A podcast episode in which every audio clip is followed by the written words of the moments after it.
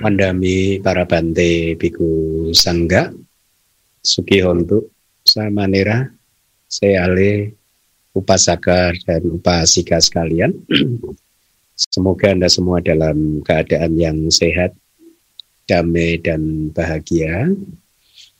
Kita bertemu kembali di kelas Pariyati Sasana, also known as kajian kitab suci. Benar uh, di kelas ini memang didesain hanya untuk mempelajari kitab suci. Artinya mempelajari kitab suci itu menyampaikan apa yang tertulis di kitab suci. Ya. Kalau uh, bagi saya kitab suci tentu saja tidak hanya Tripitaka, saya sudah menyampaikan hal ini berulang-ulang, ya. Tapi juga mencakup komentar dan juga sub komentarnya. Kenapa? Karena mustahil memahami ajaran Buddha hanya bersandar pada Tipitaka saja. Kita membutuhkan komentar dan juga sub komentarnya.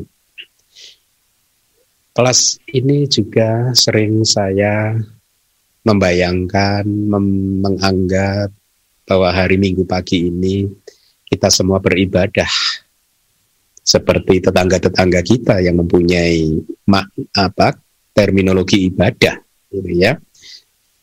Karena semua faktor untuk bisa disebut sebagai ibadah terpenuhi ya, yaitu eh, kita mendengarkan ajaran yang ada di dalam eh, kitab suci ya. Oleh karena itu tentu saja dengan semua yang sudah saya sampaikan ini tadi hari Minggu ini seharusnya menjadi hari yang ditunggu-tunggu oleh semua umat setelah selama satu minggu umat disibukkan oleh urusan keduniawian maka bagus sekali apabila di hari minggu ini dari jam 9 setengah 9 sampai jam 10.45 Anda semua mendengarkan ajaran Buddha, mendengarkan kitab suci. Kelas pagi hari ini adalah kelas yang terakhir untuk Uraga Sutta.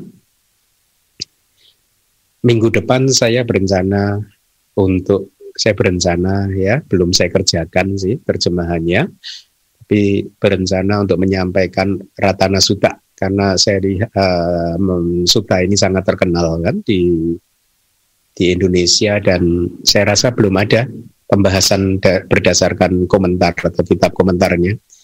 Maka kemarin saya mempertimbangkan dan memutuskan untuk menerjemahkannya dan kemudian menyampaikannya kepada Anda hari Minggu depan ya. Nah, eh, sebelum saya menyampaikan pembahasan yang ada di dalam kitab komentar, saya akan minta petugas untuk membacakan sutanya terlebih dahulu. Silahkan. Pandami Bante. Hmm. Uraga Suta KN 5.1 Diskursus berkenaan dengan ular. Seseorang yang menyingkirkan kemarahan yang telah muncul, seperti menyingkirkan bisa ular yang telah menyebar dengan menggunakan ramuan daun-daunan sebagai obat, biku tersebut meninggalkan pantai di sini dan di seberang, seperti seekor ular menyingkirkan kulit tuanya yang telah usang. Seseorang yang telah menghancurkan nafsu ragawi tanpa sisa, seperti seseorang yang memetik bunga teratai setelah dia masuk menuruni danau, biku tersebut meninggalkan pantai di sini dan di seberang seperti seekor ular menyingkirkan kulit tuanya yang telah usang.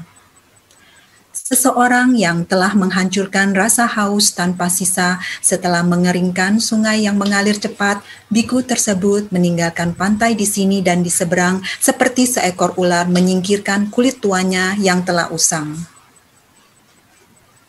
Seseorang yang menghancurkan kesombongan tanpa sisa, seperti banjir besar menghancurkan jembatan alang-alang yang lemah, biku tersebut meninggalkan pantai di sini dan di seberang, seperti seekor ular menyingkirkan kulit tuanya yang telah usang.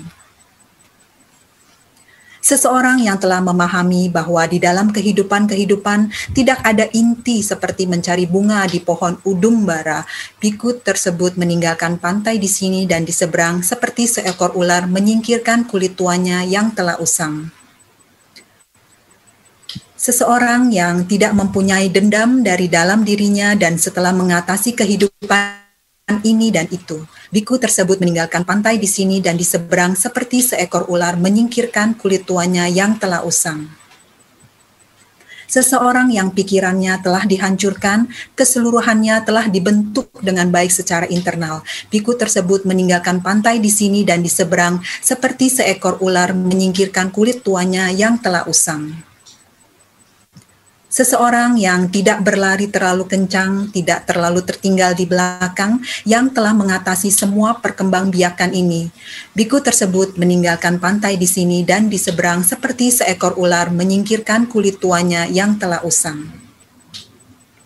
Seseorang yang tidak berlari terlalu kencang, tidak terlalu tertinggal di belakang, setelah mengetahui tentang dunia, ini semua tidak benar Biku tersebut meninggalkan pantai di sini dan di seberang seperti seekor ular menyingkirkan kulit usang. Seseorang yang tidak berlari terlalu kencang, tidak terlalu tertinggal di belakang, bebas dari keserakahan setelah mengetahui tentang dunia, ini semua tidak benar. Biku tersebut meninggalkan pantai di sini dan di seberang seperti seekor ular menyingkirkan kulit tuanya yang telah usang. Seseorang yang tidak berlari terlalu kencang, tidak terlalu tertinggal di belakang, bebas dari nafsu ragawi, setelah mengetahui tentang dunia, ini semua tidak benar. Biku tersebut meninggalkan pantai di sini dan di seberang, seperti seekor ular menyingkirkan kulit tuanya yang telah usang. Seseorang yang tidak berlari terlalu kencang, tidak terlalu tertinggal di belakang, bebas dari kebencian, setelah mengetahui tentang dunia, ini semua tidak benar. Biku tersebut meninggalkan pantai di sini dan di seberang, seperti seekor ular menyingkirkan kulit tuanya yang telah usang. Seseorang yang tidak berlari terlalu kencang, tidak terlalu tertinggal di belakang, bebas dari delusi setelah mengetahui tentang dunia, ini semua tidak benar. Biku tersebut meninggalkan pantai di sini dan di seberang, seperti seekor ular menyingkirkan kulit tuanya yang telah usang. Seseorang yang tidak memiliki tendensi laten apa pun yang akar-akar tidak baiknya telah tercabut. Biku tersebut meninggalkan pantai di sini dan di seberang seperti seekor ular menyingkirkan kulit tuanya yang telah usang.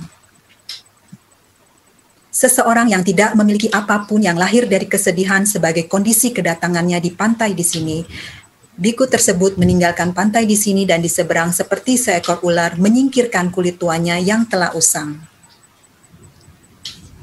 Seseorang yang tidak memiliki apa pun yang lahir dari dambaan yang pantas menjadi sebab untuk pembelengguan ke kehidupan. Biku tersebut meninggalkan pantai di sini dan di seberang seperti seekor ular menyingkirkan kulit tuanya yang telah usang. Seseorang yang telah meninggalkan lima rintangan batin, bebas dari kesulitan, telah melewatkan keragu, telah melewati keraguan, bebas dari anak panah. Biku tersebut meninggalkan pantai di sini dan di seberang, seperti seekor ular menyingkirkan kulit tuanya yang telah usang. Uraga suta pertama telah selesai. Sadu, sadu, sadu. Ya, terima kasih, Dona. Uh, itu tadi sutanya ya. Hanya ada 17 stansa ya.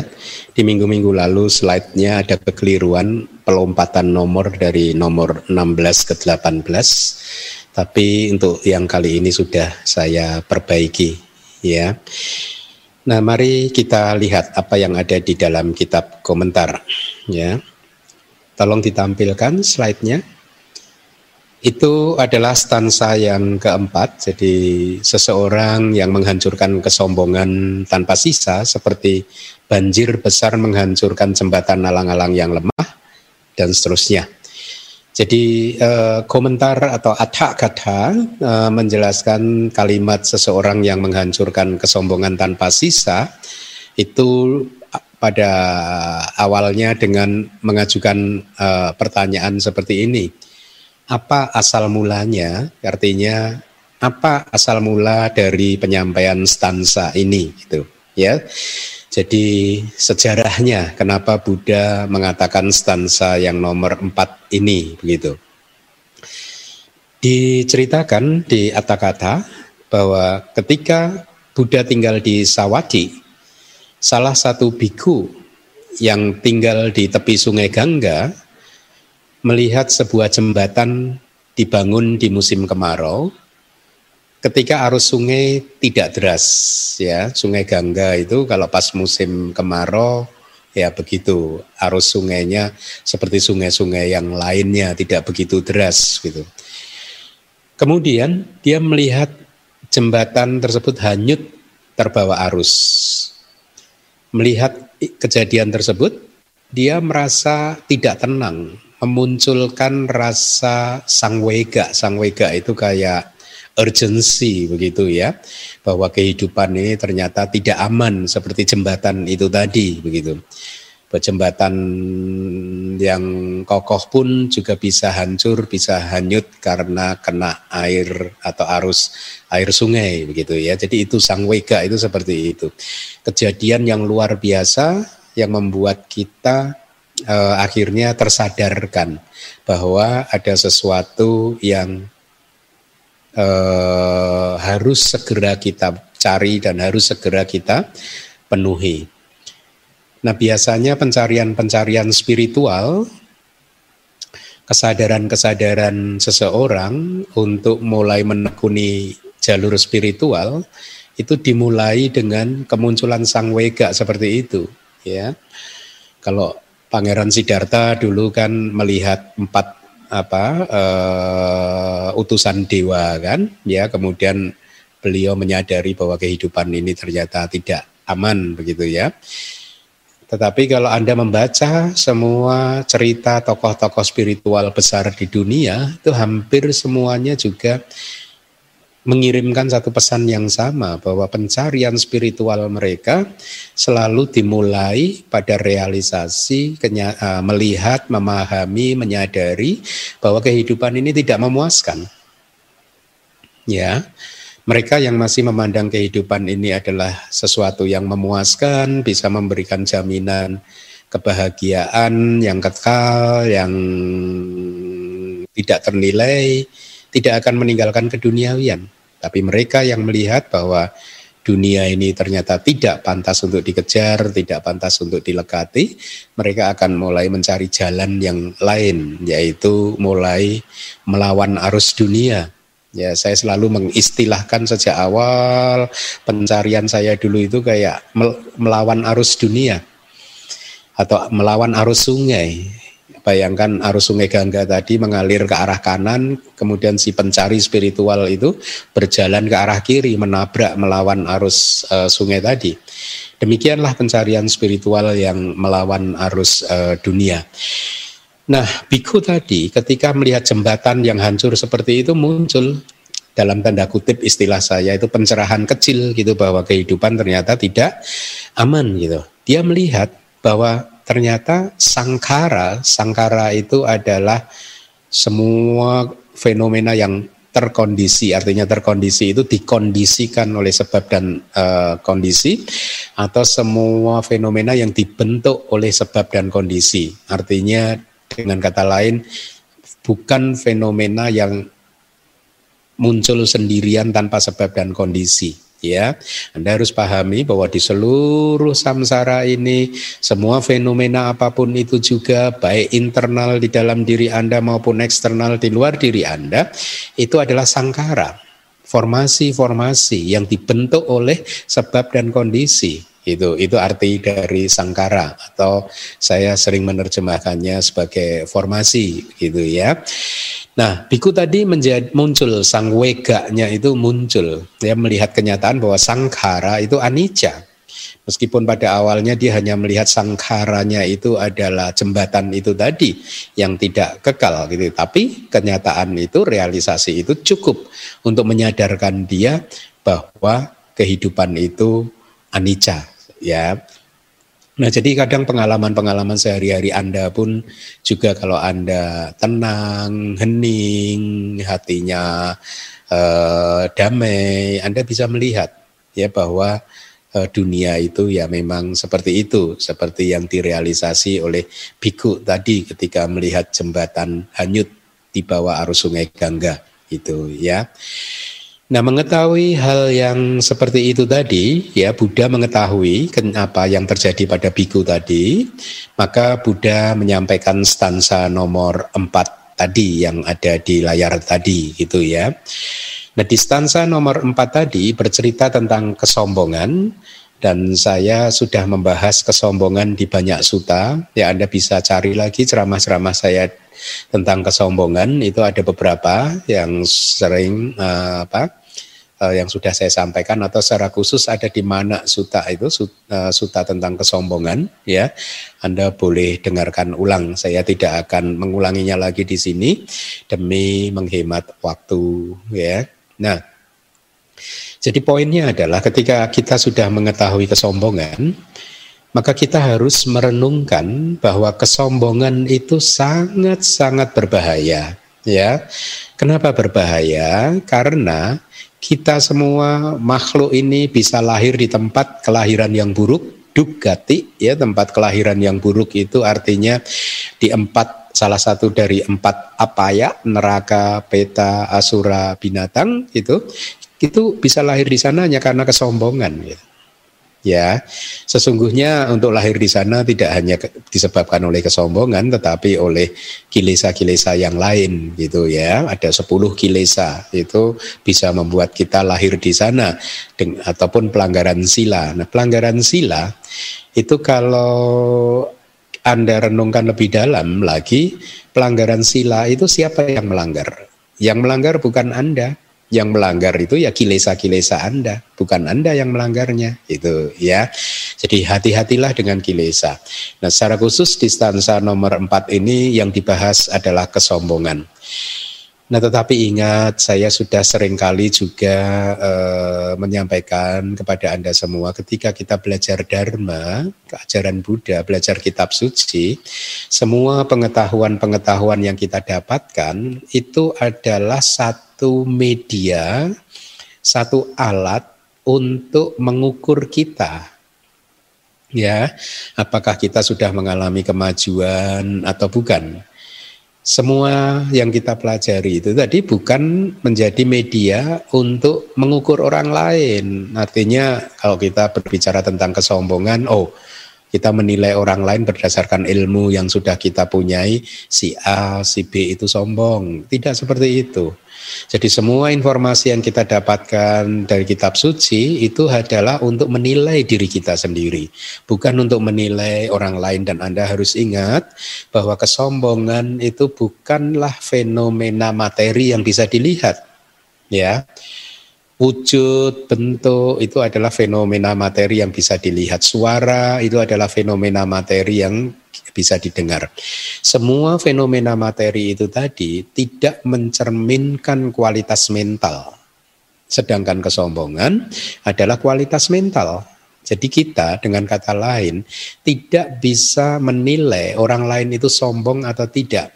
Hanya berdasarkan tubuh jasmaninya, gerak-gerik tubuh jasmaninya atau hanya berdasarkan tulisannya atau hanya berdasarkan ucapan-ucapannya. Karena itu semua fenomena materi. Tulisan juga fenomena materi ya hati-hati ya eh, kita eh, semoga kita semua tidak terjebak pada hal-hal yang eh, seperti itu dan kita semata-mata memanfaatkan semua ilmu yang kita punya untuk mengukur kemajuan latihan kita sendiri gitu ya saya juga pernah menyampaikan kalau kesombongan itu hanya diukur dari kata-kata, maka kita akan dengan mudah mengatakan Buddha itu di beberapa tempat memunculkan kesombongannya. Tapi kan kita tahu bahwa Buddha itu sudah menghancurkan kesombongan. Jadi tidak mungkin Buddha itu memunculkan kesombongan ya. Bahkan ketika beliau berkata tidak ada makhluk yang pantas aku jadikan guruku atau uh, kata-kata seperti itu juga tidak mencerminkan kesombongan gitu ya atau ketika beliau berkata di luar ajaranku tidak ada pencerahan. Ya. Kalau kita menilai dari kata-kata tersebut terkesan seolah-olah Buddha sombong, ya. Tapi apakah itu kesombongan? Tentu saja sekali lagi tidak, ya. Atau Buddha kan pernah mengatakan kan e, akulah yang tertinggi gitu, akulah yang tertua atau apa gitu ya. Itu juga bukan satu kesombongan gitu ya. Jadi pada prinsipnya begini. Kita belajar dhamma itu adalah untuk memperbaiki diri kita sendiri. Dhamma bukan alat pukul untuk menyakiti orang lain, untuk memukul orang lain, ya, untuk menilai orang lain. Dhamma adalah alat untuk menilai diri kita sendiri. Nah, kita tahu dari pelajaran-pelajaran yang lalu bahwa kesombongan itu mempunyai sifat ciri atau sikap mental uh, yang meninggikan diri kita sendiri ya oleh karena itulah selalu kita memakai informasi ini, pengetahuan ini untuk menilai diri kita sendiri ketika kita berpikir, berkata-kata, melakukan sesuatu dan lain sebagainya.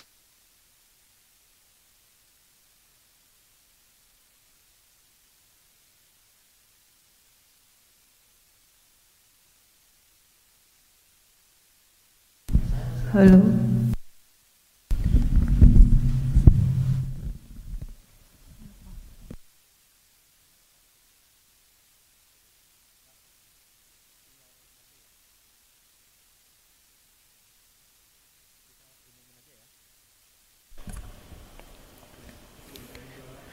Sugianto, Kalemita, mohon maaf, uh, sepertinya uh, sinyal kita ada mengalami gangguan, uh, terutama di area Megamendung, Bogor. Uh, mohon maaf sekali lagi, uh, mohon tetap bersabar, tetap di Zoom dan di YouTube sambil kita menunggu koneksi kembali dengan Bante. Terima kasih.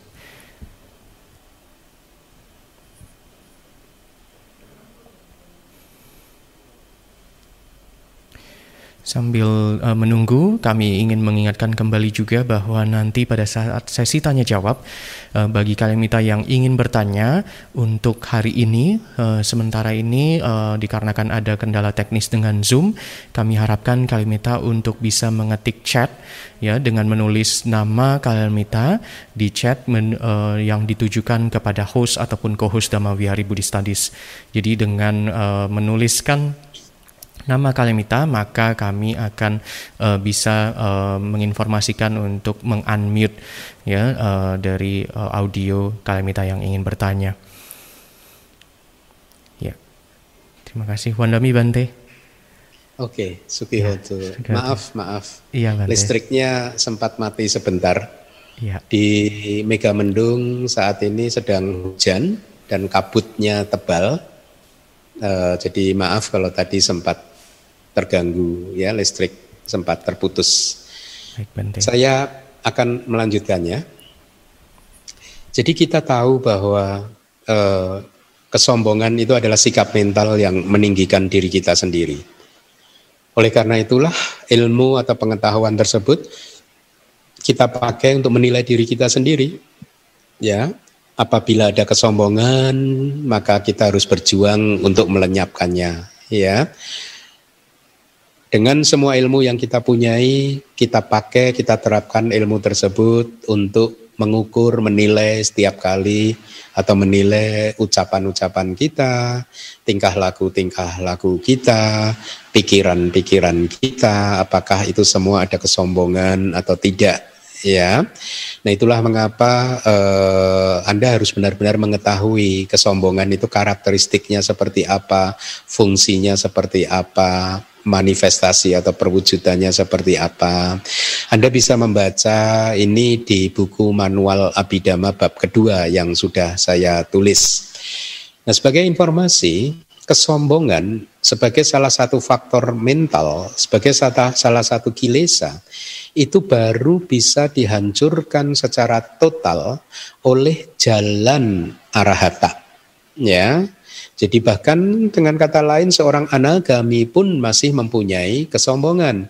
Seorang sekadagami, seorang sotapana juga masih mempunyai kesombongan, apalagi seorang putu jana.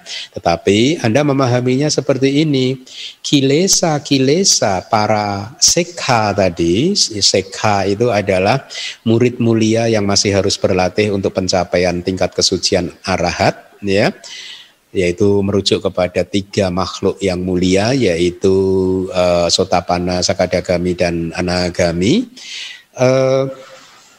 Kilesa-kilesa mereka itu sudah banyak sekali kehilangan kekuatannya sehingga sedemikian rupa banyaknya yang hilang, kekuatannya yang hilang sehingga kilesa-kilesa mereka itu tadi tidak lagi mempunyai kekuatan untuk memunculkan agregat atau kelahiran kembali di salah satu dari empat alam apa ya? Ya itu tentu berbeda dengan kilesa putujana ya. Nah itu yang harus anda pahami gitu. Jadi sekali lagi kesombongan hanya dihancurkan oleh jalan atau maga arahata atau arahata maga ya. Jadi kesombongan ini proses kehancuran kesombongan ini kata-kata mengatakan diibaratkan seperti arus sungai yang deras yang menghancurkan jembatan yang merupakan perumpamaan untuk kesombongan ya jembatan yang dilihat oleh biku tadi ya.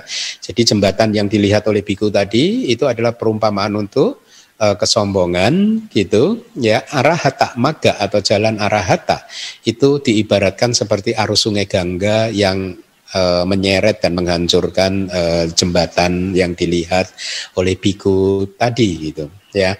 Itu arti stansa yang nomor 4. Mari kita lihat stansa yang nomor 5. Next slide, tolong ditampilkan. Seseorang yang telah memahami bahwa di dalam kehidupan-kehidupan tidak ada inti seperti mencari bunga di pohon udumbara ya dan seterusnya. Komentar juga memberikan asal mula dari penyampaian stansa ini, sejarahnya bagaimana gitu ya.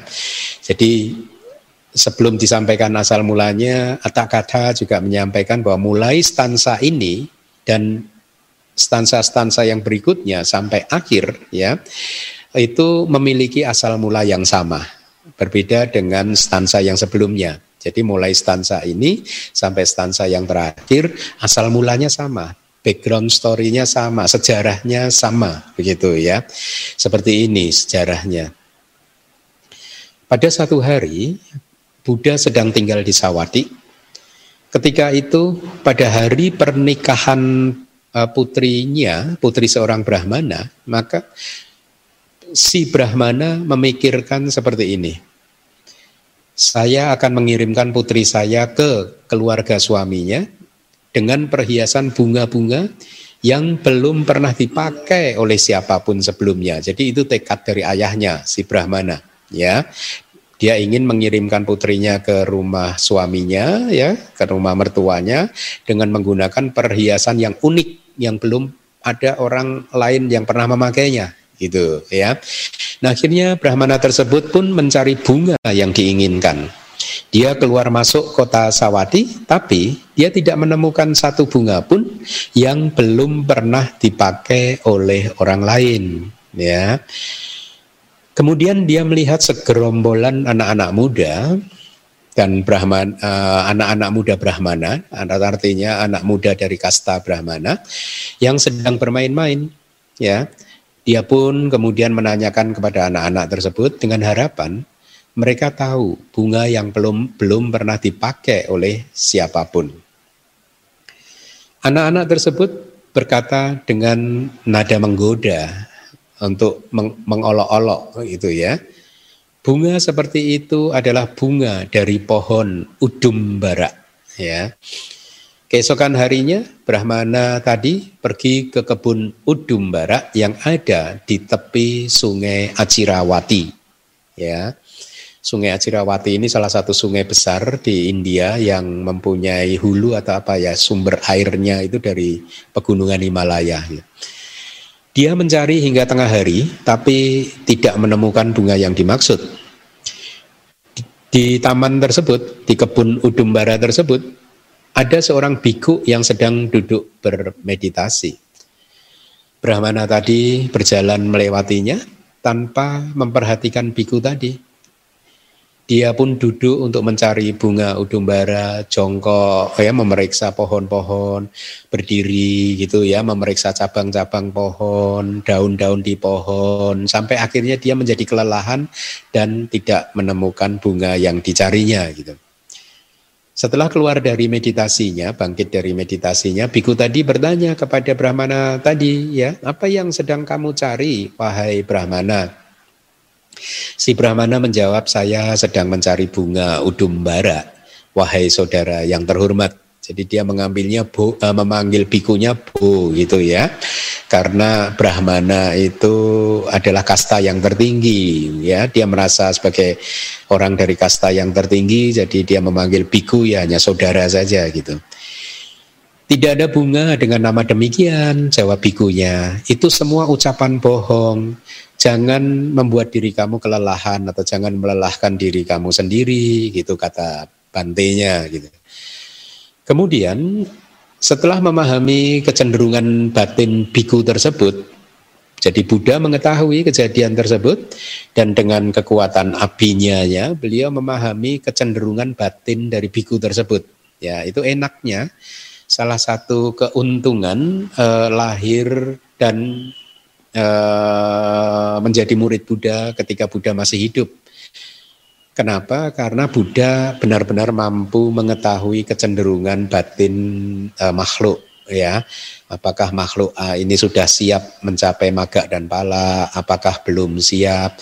Kalau belum siap untuk mencapai maga dan pala, apakah bisa ditunggu untuk sementara waktu ya?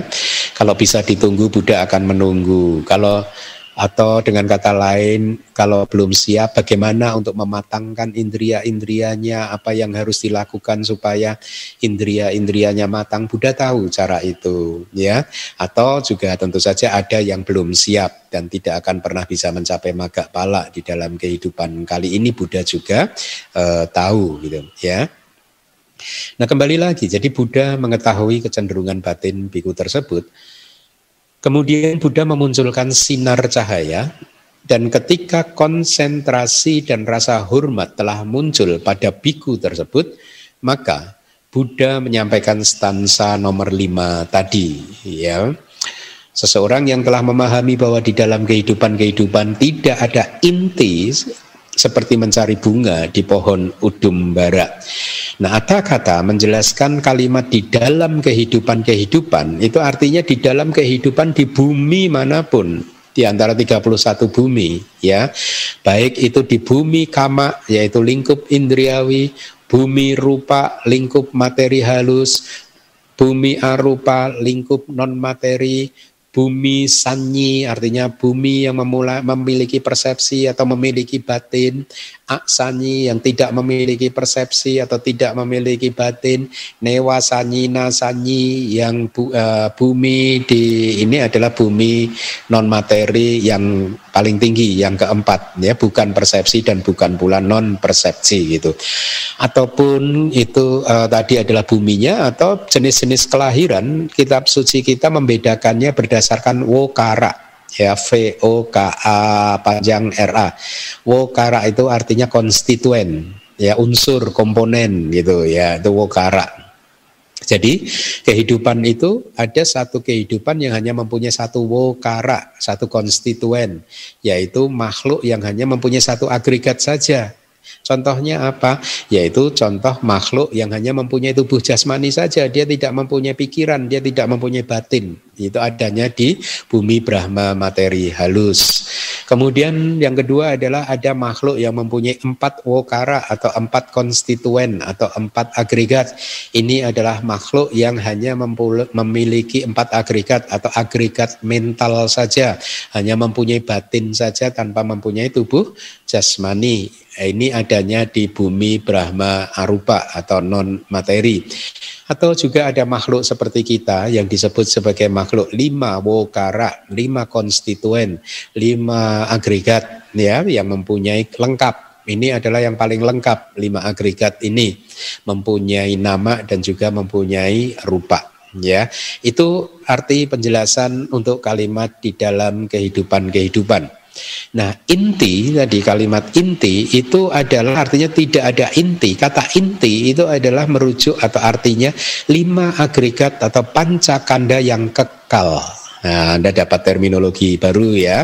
Jadi sebenarnya di dalam kehidupan ini tidak ada inti, artinya wujud yang kekal atau lima agregat yang kekal itu tidak ada ya. Tadi saya baru saja repost uh, suplikan ceramah saya tentang Anata Lakana Suta di uh, Facebook ya. Anda bisa juga dengarkan di sana. Itu di sana kita membahas tentang tidak adanya inti gitu ya.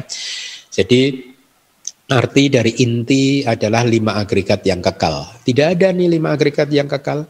Tubuh jasmani kita tidak kekal, dia terus menerus bergerak dengan kecepatan yang sangat tinggi Uh, kemudian Wedana Kanda, Sanya Kanda, Sangkara Kanda, Winyana Kanda itu juga terus menerus berubah.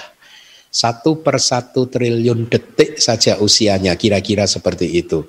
Jadi sesungguhnya kita ini setiap satu per satu triliun detik lahir dan kemudian meninggal dunia. Usia kehidupan kita itu sesungguhnya dalam pemahaman yang ultimate ya yang paling tingginya puncaknya usia kita itu hanya satu per satu triliun detik. Jadi kalau anda jengkel sama seseorang anda jengkel kepada orang yang sesungguhnya sudah mati. Ya orang yang sedang yang anda marah, Anda jengkel itu adalah orang yang baru, sudah lahir lagi. Yang bikin Anda jengkel udah mati. Oleh karena itu Anda harus berjuang untuk bisa mengatasi kejengkelan, kemarahan, dendam, apa pun itu salah ya. Gitu pemahamannya gitu. Itulah mengapa pengetahuan kitab suci itu penting sekali. Nah kalimat mencari, mencari tadi apa bunga udumbara itu artinya di sini e, mencari dengan menggunakan kebijaksanaan. Ini hanya perumpamaan saja kan. Seperti mencari bunga di pohon udumbara. Kalimat ini dijelaskan di kata seperti halnya Brahmana yang walaupun mencari bunga-bunga di pohon udumbara tidak akan bisa menemukan satu bunga pun Ya demikian juga seorang yogi, uh, yogi itu artinya seseorang yang sedang retret, sedang bermeditasi, ya, yang sedang memeriksa pancakanda atau lima agregat dengan menggunakan kebijaksanaan tidak akan pernah bisa menemukan inti apa pun di semua eksistensi tadi, di semua agregat tadi juga. Ya, tidak ada inti, tidak ada lima agregat yang kekal. Semuanya itu hanyalah fenomena yang muncul dan lenyap dengan kecepatan sangat tinggi sekali, satu per satu triliun detik. Ketika melihat melalui wipasana semua fenomena sebagai anicca dan anatta, ya, dukanya tidak ditulis di atas kata, hanya anicca dan anatta. Dalam arti tidak adanya inti, biku tersebut secara bertahap mencapai lokutara dhamma Lokutra dhamma itu adalah dhamma-dhamma adi duniawi. Ya, dhamma-dhamma adi duniawi itu apa? Maga, pala, nibana. Ada tiga ya dhamma adi duniawi. Maga, pala, nibana. Sering disebut sembilan dhamma adi duniawi juga karena ada empat maga, empat pala, satu nibana, sembilan ya. Nah, kenapa disebut sebagai lokutara, loka utara, melampaui dunia karena ketika Anda sudah merealisasi lokutara dhamma ini, maka Anda melampaui kelahiran kembali. Ya, kelahiran kembali Anda yang tadinya mungkin jumlahnya di masa depan itu tidak terhitung, tidak terbatas, akan banyak yang dihancurkan ya. Ketika Anda mencapai tingkat kesucian sotapana, maka kelahiran kembali Anda hanya maksimal tujuh kali lagi. Dari yang tadinya jumlahnya tidak terbatas menjadi hanya tujuh kali lagi. Bayangkan berapa banyak yang dihancurkan. Ya itulah mengapa di salah satu komentar juga disebutkan seorang sutu, sutu, sotapana menghancurkan eh, apa istilahnya kamu menghancurkan ke hmm, bahasa palinya itu ini, menghancurkan tumpukan kelahiran dalam jumlah yang banyak sekali seperti menghan, uh, yang mungkin uh, diberi perumpamaan begini banyaknya itu seperti jumlah debu di seluruh bumi ini Seorang sotapana hanya mempunyai maksimal tujuh kali kelahiran, seperti sedikitnya jumlah debu yang ada di ujung kuku. Kira-kira begitu. Ya, jadi kalau inilah perjuangan kita, perjuangan Anda semua, yaitu berjuang untuk mencapai tingkat kesucian uh, sotapana gitu ya. Nah, ketika seseorang sudah mencapai loku teradama, maka dia meninggalkan pantai di sini dan di seberang seperti seekor ular yang menyingkirkan kulit tuanya yang telah usang. Begitu. Next slide. Ini adalah stansa yang keenam dengan asal mula yang sama. Kalimat seseorang yang tidak mempunyai dendam dari dalam dirinya dijelaskan di dalam kata Artinya seseorang yang di dalam batinnya tidak memiliki dendam. Kenapa? Karena telah dihancurkan oleh jalan yang ketiga. Kata-kata hanya seperti itu. Nah, jalan yang ketiga itu apa? Tidak dijelaskan. Nah, tapi kalau kita mempunyai pengetahuan yang lengkap, kita tahu jalan yang ketiga itu adalah anagami maga atau jalan uh, makhluk mulia yang tidak kembali lagi. Anagami, ya. Nah, eh, dendam ya itu termasuk dalam cetasika atau faktor mental dosa kebencian ya menarik ya sebenarnya kata dosa itu berasal dari bahasa Pali loh kata kata dosa yang dipakai di kamus besar bahasa Indonesia sebagai dosa yang dipahami oleh tetangga-tetangga kita itu itu berasal dari bahasa Pali dan sesungguhnya banyak dari kata-kata Pali yang diadopsi. Saya tidak mengatakan banyak sekali ya, tapi ada cukup lah ya gitu diadopsi ke Kamus Besar Bahasa Indonesia. Salah satunya ya bumi itu angkasa, akasa ya itu dari bahasa Pali. E, kemudian tadi dosa ya dosa itu juga bisa berarti sin bahasa Inggrisnya. Dalam dalam bahasa Pali pun juga bisa berarti sin dosa itu ya kesalahan gitu ya, kesalahan, cacat, kekurangan, tapi juga bisa berarti kemarahan, kebencian, dendam. Begitu ya. Itu arti kata dari dosa ya. Nah, kemarahan, kebencian, dendam, iri hati, kemudian kekikiran, kemudian penyesalan itu semua dihancurkan oleh jalan yang ketiga atau jalan anagami ya. Dengan kata lain, sotapana sakadagami juga masih mempunyai kemarahan, kebencian, dendam, uh, gitu masih ya meskipun degrinya itu tidak banyak begitu apa derajatnya tidak kuat gitu ya. Jarang muncul dan kalau muncul cepat lenyap ya dan kekuatannya juga tidak kuat begitu ya.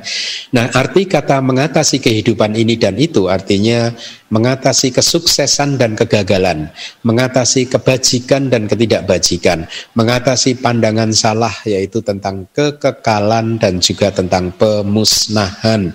Jadi ini adalah dua pandangan salah hati-hati. Jangan sampai Anda juga memiliki dua jenis pandangan salah ini. Kenapa? Karena kalau siapa pun yang memiliki dua jenis pandangan salah ini, maka dia mempunyai potensi untuk memunculkan kelahiran di salah satu dari empat apa ya lagi.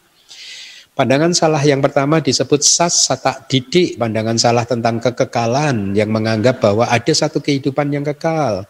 Kalau Anda menganggap, mengimpikan, beraspirasi ingin lahir di surga karena di sana kebahagiaannya kekal, maka itu pandangan salah. Hati-hati. Tidak ada surga yang kekal. Demikian pula tidak ada neraka yang kekal. Semuanya itu tidak kekal ya. Nah, itu pandangan salah yang pertama. Pandangan salah yang kedua, ekstrim yang kedua adalah uceda didik. Uceda didik itu adalah pandangan salah tentang pemusnahan. Tentang pemusnahan artinya ah kehidupan itu ya hanya ini saja. Setelah ini saya mati tidak akan ada kehidupan lagi. Itu pun juga adalah pandangan salah. Jadi Anda semua harus menghindari dua pandangan salah ini. Next slide. Ya, seseorang yang pikirannya telah dihancurkan dan seterusnya. Artinya seseorang yang pikirannya telah dihancurkan itu apa saja sih yang dihancurkan gitu. Jadi karena itu tadi berkaitan dengan pencapaian tingkat kesucian anagami, ada sembilan pikiran yang tidak baik yang dihancurkan, yaitu uh, trio pikiran tentang kenikmatan indriawi, niat jahat dan kebengisan. Ini sebenarnya adalah tiga sangkapa ya, yaitu kama sangkapa, bia pada sangkapa, awihimsa sangkapa bahasa palinya. Pikiran tentang kenikmatan indriawi, tentang niat jahat, tentang kebengisan. Atau trio pikiran tentang tentang kemelekatan terhadap sanak saudara, kemelekatan terhadap negara, negeri, kemelekatan terhadap keabadian itu juga dihancurkan uh, oleh jalan yang ketiga tadi. Trio, trio pikiran tentang simpati kepada orang lain, keuntungan dan penghormatan serta pikiran yang tidak ingin direndahkan ini semua yang muncul uh, harus dipahami muncul dari kilesa itu pun juga dihancurkan. Uh, jadi seorang biku eh, bahkan diajarkan untuk merenungkan bahayanya pikiran-pikiran yang sudah saya sebutkan tadi. Demikian kata kitab komentar. Next slide. Seseorang yang tidak berlari terlalu kencang dan seterusnya. Gitu. Arti dari seseorang yang tidak berlari terlalu kencang, tidak terlalu tertinggal di belakang adalah Kenapa? Kalau kita beralih kencang, kata-kata menjelaskan itu berarti seperti uh, perumpamaan untuk kita yang ketika bermeditasi menggunakan energi yang berlebihan. Ya. Uh, ketika kita menggunakan energi yang berlebihan di dalam meditasi hasilnya apa? Hasilnya batin kita akan jatuh dalam udaca. Udaca itu sering diterjemahkan sebagai kegelisahan, tetapi itu tidak tepat yang lebih tepat adalah kebingungan. Makna dari ud itu adalah uh, ud itu adalah di atas, daca itu bergetar. Jadi kira-kira batin pikiran kita nggak bisa fokus ke dalam salah satu objek ya. Batin kita seolah-olah hanya bergetar saja di atas saja di atas objek. Tidak bisa menangkap objeknya dengan dengan kokoh begitu ya.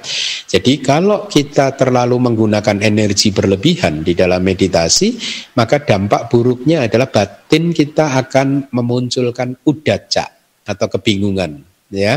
Tetapi kalau kita terlalu lamban, terlalu malas, maka akan jatuh dalam kemalasan ya. Oleh karena itu seseorang hendaknya tidak berlari terlalu kencang, tidak ter, juga terlalu tertinggal di belakang. Itu adalah perumpamaan yang mempunyai arti seperti yang sudah saya sampaikan. Demikian pula kalimat seseorang yang tidak berlari terlalu kencang, tidak terlalu tertinggal di belakang juga merupakan perumpamaan untuk menyiksa diri sendiri. Ya, berlari terlalu kencang itu menyiksa diri sendiri. Terlalu tertinggal di belakang itu adalah perumpamaan untuk seseorang yang terjerat di dalam kenikmatan-kenikmatan indriawi, ya. Atau terlalu kencang adalah perumpamaan untuk bawa tanha bahwa tanha itu adalah nafsu kehausan terhadap eksistensi, terhadap kehidupan, terhadap kelahiran, itu bawa tanha. Kita ingin hidup terus, kita ingin lahir lagi, kita nggak ingin uh, segera mengakhiri kelahiran dan uh, uh, siklus kelahiran dan kematian ini, itu adalah bawa tanha. Tidak terlalu tertinggal di belakang adalah uh, kama tanha. Kama tanha itu adalah nafsu kehausan terhadap objek-objek panca indera, ingin menikmati objek-objek panca indera ya. Nah, kita diajarkan untuk mempraktekkan uh, jalan tengah supaya bisa menghindari dua ekstrim ini gitu. Next slide. Seseorang yang tidak berlari terlalu kencang, tidak terlalu tertinggal di belakang setelah mengetahui tentang dunia, ini semua tidak benar. Arti kata ini semua tidak benar adalah ini semua tidak nyata. Ya, apa itu yang tidak nyata? Semua dhamma yang dibentuk oleh berbagai sebab dan kondisi tadi, artinya sangkara-sangkara tadi itu tidak nyata. Atau dengan kata lain, agregat, kanda, ayatana, datu, agregat-agregat, landasan-landasan indriawi, elemen-elemen yang logia. Nah, ini salah satu yang saya selalu suka dengan apa? kata itu adalah ketelitiannya. gitu ya. Beliau guru kata menambahkan agregat ayatana datu yang logia, yang duniawi ya karena yang duniawi ini adalah menjadi objek pelekatan kita objek uh, ya objek upadana kita pelekatan kita gitu ya. Jadi itu semua tidak nyata ya. Kenapa tidak nyata? Karena tidak punya inti yang tadi yang kekal tadi itu ya. Juga karena mereka itu hanyalah fenomena yang muncul karena sebab dan kondisi dan lenyap juga karena memang ada e, memang dia harus lenyap ya. Kita menderita karena kita melekat pada damak yang muncul dan lenyap seperti itu. Coba Anda apa e, e, apa renungkan semua penderitaan Anda, semua Eh, kesulitan-kesulitan secara mental yang Anda alami itu semua muncul karena Anda melekat kepada damak-damak yang sesungguhnya muncul dan lenyap. Anda tidak mengharapkannya muncul dan lenyap. Itu ya. Contoh, kalau Anda marah terhadap seseorang sampai berhari-hari, Anda sedang melekat kepada damak yang muncul dan lenyap dan Anda tidak menginginkannya lenyap sehingga bayangan orang yang membuat Anda marah tiga hari yang lalu sampai tiga hari kemudian masih Padahal orang yang tiga hari yang lalu itu usianya hanya satu per satu triliun detik saja. Tetapi Anda tidak mau menerima kenyataan itu, gitu ya. Anda tangkap, Anda lekati, Anda freeze, gitu ya, supaya seolah-olah dia yang tiga hari yang lalu dan dia tiga hari berikutnya itu adalah figur yang sama, individu yang sama, ya itu seperti itu. Semua kilesa muncul karena itu. Kenapa? Karena kalau Anda bisa melihat bahwa segala sesuatu itu adalah muncul dan kemudian lenyap, maka tidak ada kilesa yang muncul. Coba Anda praktekkan. Kalau Anda melihat muncul lenyapnya fenomena atau bahkan hanya mengembangkan persepsi bahwa segala sesuatu itu hanya muncul dan lenyap, maka kilesa Anda pun akan lenyap. Coba Anda praktekkan, ya. Kemudian setelah mengetahui artinya mengetahui dengan menggunakan kebijaksanaan di dalam kesadaran jalan artinya pencapaian maga gitu ya. Next slide. Nah, ini adalah slide yang terakhir. Seseorang yang meninggalkan lima rintangan batin dan uh, seterusnya. Penjelasan rintangan batin itu adalah fenomena mental atau faktor-faktor mental cetasika yang merintangi batin kita. Merintangi untuk apa? Merintangi untuk mencapai samadhi. Samadhi di sini tidak hanya eh, pencapaian jana, tetapi merintangi untuk pencapaian momentary concentration, kanika samadhi, konsentrasi uh, moment by moment. Ya, tapi ini maaf ini penjelasan dari saya ya. Di kitab komentarnya uh, tidak disampaikan itu ya tapi saya ambil dari komentar-komentar yang lain ya. Jadi merintangi pencapaian samadhi itu merintangi pencapaian tiga jenis konsentrasi yaitu khanika samadhi konsentrasi saat demi saat atau momentary concentration kemudian upacara samadhi eh, yaitu konsentrasi akses dan apa samadhi atau konsentrasi berupa eh, absorpsi jana ya. Nah jadi lima rintangan batin atau niwarana bahasa palinya itu merintangi pencapaian konsentrasi itu tadi dan juga merintangi kelahiran di surga. Ya. Jadi itu definisinya. Juga mereka merintangi praktek yang bermanfaat kata komentar dari suta ini ya. Jadi rintangan batin merintangi praktek yang bermanfaat gitu ya.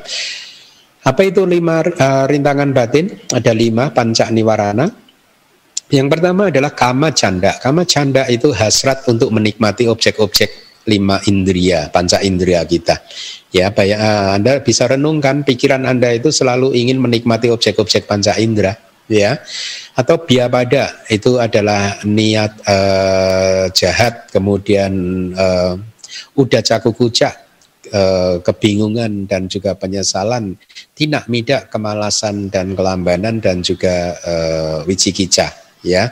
Ini semua merintangi hal-hal yang sudah saya sampaikan tadi. Nah, ketika lima rintangan batin ini telah disingkirkan, telah ditekan, berhasil ditekan, maka batin akan bebas dari kesulitan seperti yang ada di slide tadi, ya bebas dari kesulitan kenapa dia akan mampu mengamati objek secara objektif ya dia akan mampu mengamati batin nama dan rupa e, materi secara objektif Artinya secara objektif itu yata buta. Yata buta itu sesuai realitasnya gitu ya. Seringkali di dalam kehidupan kita kita tidak melihat dan memikirkan sesuatu sesuai faktanya, sesuai realitasnya. Seringkali kita hanya memikirkan menilai sesuatu hanya sesu, sesuai dengan apa yang kita suka atau apa yang tidak kita suka tidak sesuai fakta, tidak sesuai realitas dan inilah mengapa kita mengembara terus di dalam samsara, belum bisa keluar dari samsara ya. Nah, kenapa eh, penilaian atau batin yang sudah bebas dari lima rintangan batin ini bisa dikata, tadi dikatakan bisa mengamati objek sesuai dengan realitas. Karena ketika lima rintangan batin itu ditekan dia ini kepalanya istilahnya. Ketika kepalanya ditekan maka ekor-ekornya badan dan ekornya ikut tertekan. Artinya kilesa-kilesa yang lain ikut tertekan. Ketika Anda berhasil menekan lima niwarana, maka batin Anda bersih dari kilesa. Oleh karena itulah batin mampu mengamati realitas sesuai eh, nama dan rupa sesuai realitas. Oleh karena itulah saya pernah mengatakan di kelas yang lalu, kalau eh, ada praktek melihat kehidupan masa lampau tetapi masih dipen, orangnya yang melihat itu masih penuh kilesa, maka itu adalah penglihatan yang tidak sesuai realitas. Ya kemungkinan besar tidak sesuai realitas ya. Dan itulah mengapa biasanya tidak ada manfaatnya untuk penghancuran kilesa begitu ya nah karena tidak adanya kilesa dan kitab komentar menjelaskan dua uh, dua poin. Kenapa bisa mengamati sesuai realitas? Satu, karena tidak ada kilesa. Kedua, karena tidak ada rasa sakit jasmaniyah Nah, bagus ya. Kenapa? Karena ini memang sesuai faktanya seperti itu. Ketika Anda berhasil mengatasi panca niwarana, maka Anda merasakan tubuh Anda itu siap untuk dipakai bermeditasi untuk waktu yang lama. Ya, tidak ada pegal-pegal, tidak ada rasa sakit di pinggang, di punggung, di leher, di bahu dan lain sebagainya ya.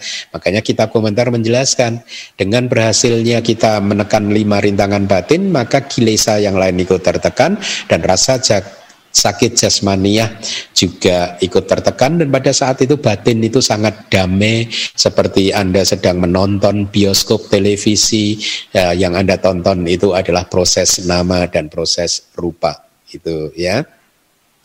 Nah tentang kalimat telah melewati keraguan itu dijelaskan oleh Atta kata sebagai keraguan tentang apakah saya ini eksis di masa lalu apakah saya ini akan eksis di masa depan? Artinya masih akan lahir di masa depan. Keraguan-keraguan itu uh, lenyap. Karena dia sudah melihat prosesnya. Dia sudah melihat proses nama dan rupa. Ima seming sati idang hoti. Ketika ada ini ini ada. Ketika ada ini itu ada Imasa niroda idang nirujati Ketika ini berhenti itu berhenti. Ima seming aksati idang hoti. Ketika ini tidak ada itu tidak ada. Imasa uh, niruda idang nirujati Ketika ini berhenti itu juga berhenti ya. Ima seming Ya. Ya begitu ya uh, imasa niroda idang nirujati. Ketika ini berhenti, itu juga berhenti. Nah, dia melihat proses itu semua. Maka ketika melihat proses itu semua, itu keraguan uh, apa bisa dilewati gitu ya. Itulah mengapa uh, wipasana itu sangat powerful ya.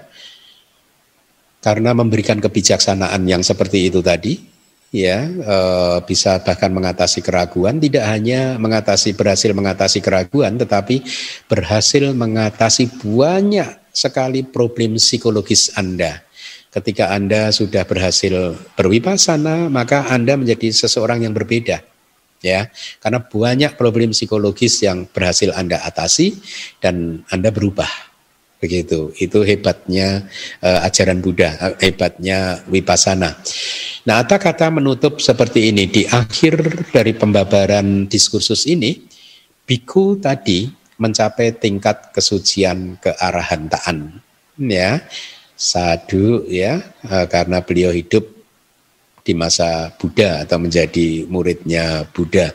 Baik, demikian yang bisa saya sampaikan. Semoga pembelajaran suta ini bermanfaat, bisa menjadi kondisi yang cukup kuat untuk pencapaian maga, pala, dan nibana.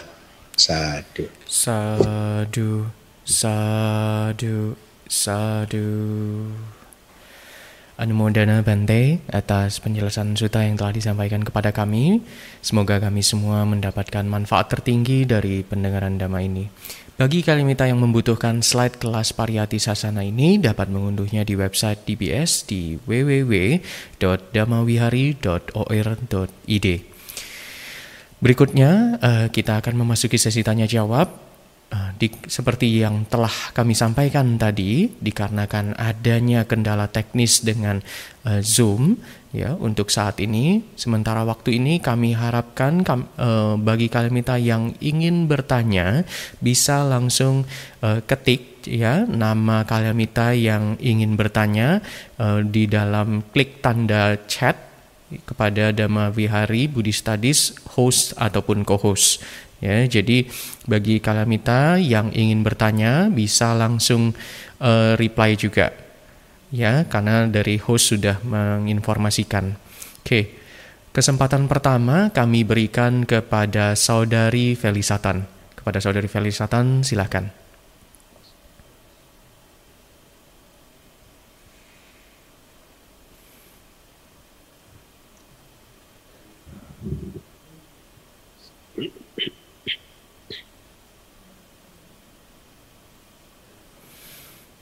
Apakah sudah di-unmute, Saudari Felisa? Ah, yes, thank you.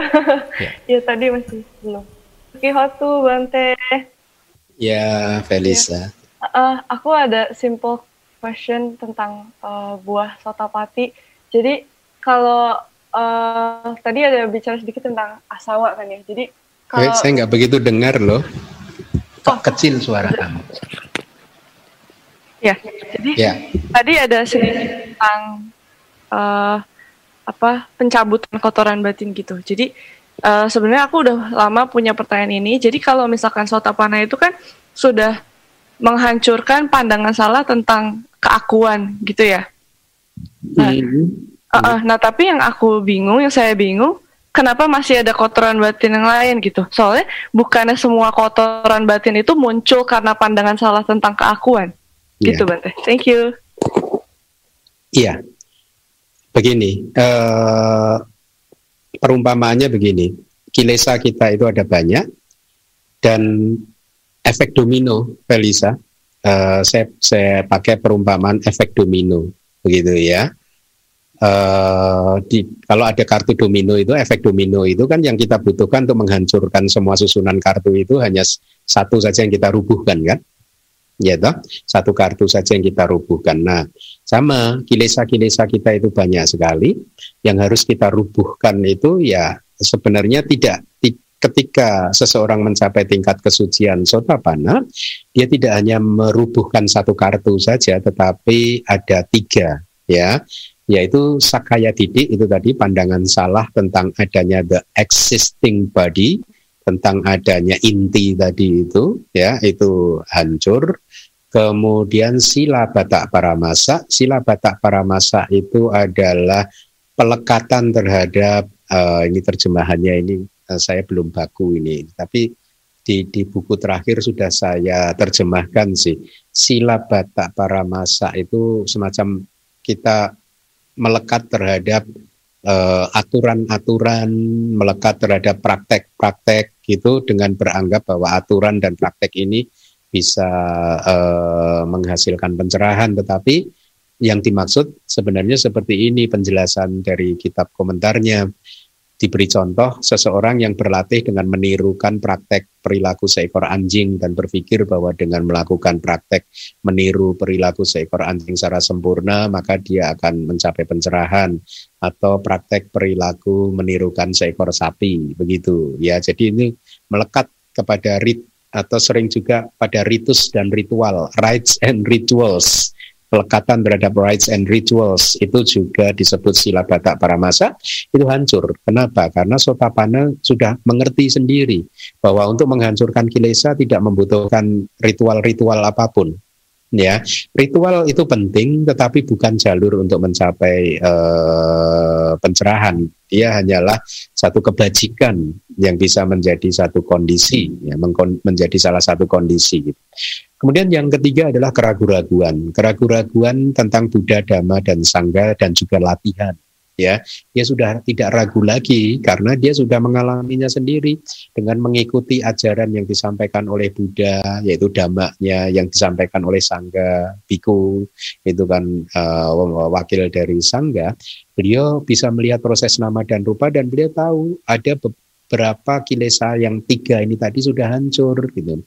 Belenggu-belenggu yang jumlahnya tiga ini tadi hancur jadi ini juga poin yang harus diketahui. Ketika sesiapapun mencapai tingkat pencerahan di tingkat yang mana pun, dia tahu kilesa mana yang dihancurkan itu dia tahu. Ya, itulah mengapa akhirnya keraguan uh, uh, hancur oleh seorang sotapana. Dia akan mempunyai sada yang sangat kuat, tidak tergoyahkan terhadap Buddha, Dhamma, Sangga dan latihan begitu. Nah, efek dominonya seperti itu. Ketika sebenarnya uh, ini tiga kartu domino itu tadi itu runtuh bersamaan, ya. Nah, ketika dia runtuh bersamaan ya seperti efek domino, eh, kartu-kartu yang lain hanya menunggu waktu saja untuk runtuh, jatuh satu persatu, jatuh gitu. Ya, satu persatu gitu. Itulah mengapa tadi dikatakan Sotapana hanya mempunyai kelahiran maksimal tujuh kali lagi. Gitu. Karena itu tadi waktunya tadi ya. Jadi e, benar sih memang rootnya itu adalah pandangan salah tadi, sebenarnya tiga belenggu itu tadi, tetapi untuk kehancuran kilesa yang lain menunggu waktu seperti runtuhnya kartu domino yang e, runtuh e, seiring dengan berjalannya waktu gitu. Demikian. Hmm. Iya. Yeah.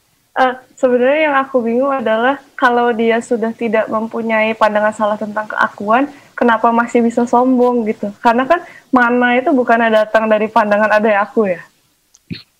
Oh, oh, kalau dia tidak mempunyai pandangan tentang keakuan, kenapa, kenapa masih ada kesombongan gitu? Oh iya masih, karena dia berbeda. Pandangan salah dan kesombongan itu berbeda pandangan salah itu adalah muncul dari penglih uh, ciri karakteristiknya pandangan salah adalah melihat sesuatu secara terbalik. Kira-kira begitu ya. Melihat sesuatu secara terbalik. Ya misalkan tadi tidak adanya roh yang sesungguhnya tidak ada aku dia melihat menjadi ada aku. Yang sesungguhnya anicca dia lihat sebagai kekal nica yang sesungguhnya hidup ini duka dia lihat sebagai suka. Jadi dia melihat sesuatu secara berkebalikan. Itu ciri dari pandangan salah. Tapi kalau kesombongan itu cirinya adalah menilai ya menilai diri ini secara keliru gitu. Sebagai lebih tinggi lebih rendah atau uh, sama dengan orang lain. Jadi ciri karakteristiknya berbeda ya. Oleh karena itulah tidak ada ininya apa tidak ada korelasinya. Eh, satu-satunya korelasi adalah ketika pandangan salah itu tadi hancur, maka kesombongannya terkikis juga. Artinya kesombongan yang kuat yang bisa memun kalau dia muncul bisa menghasilkan kelahiran kembali di empat apa ya hancur.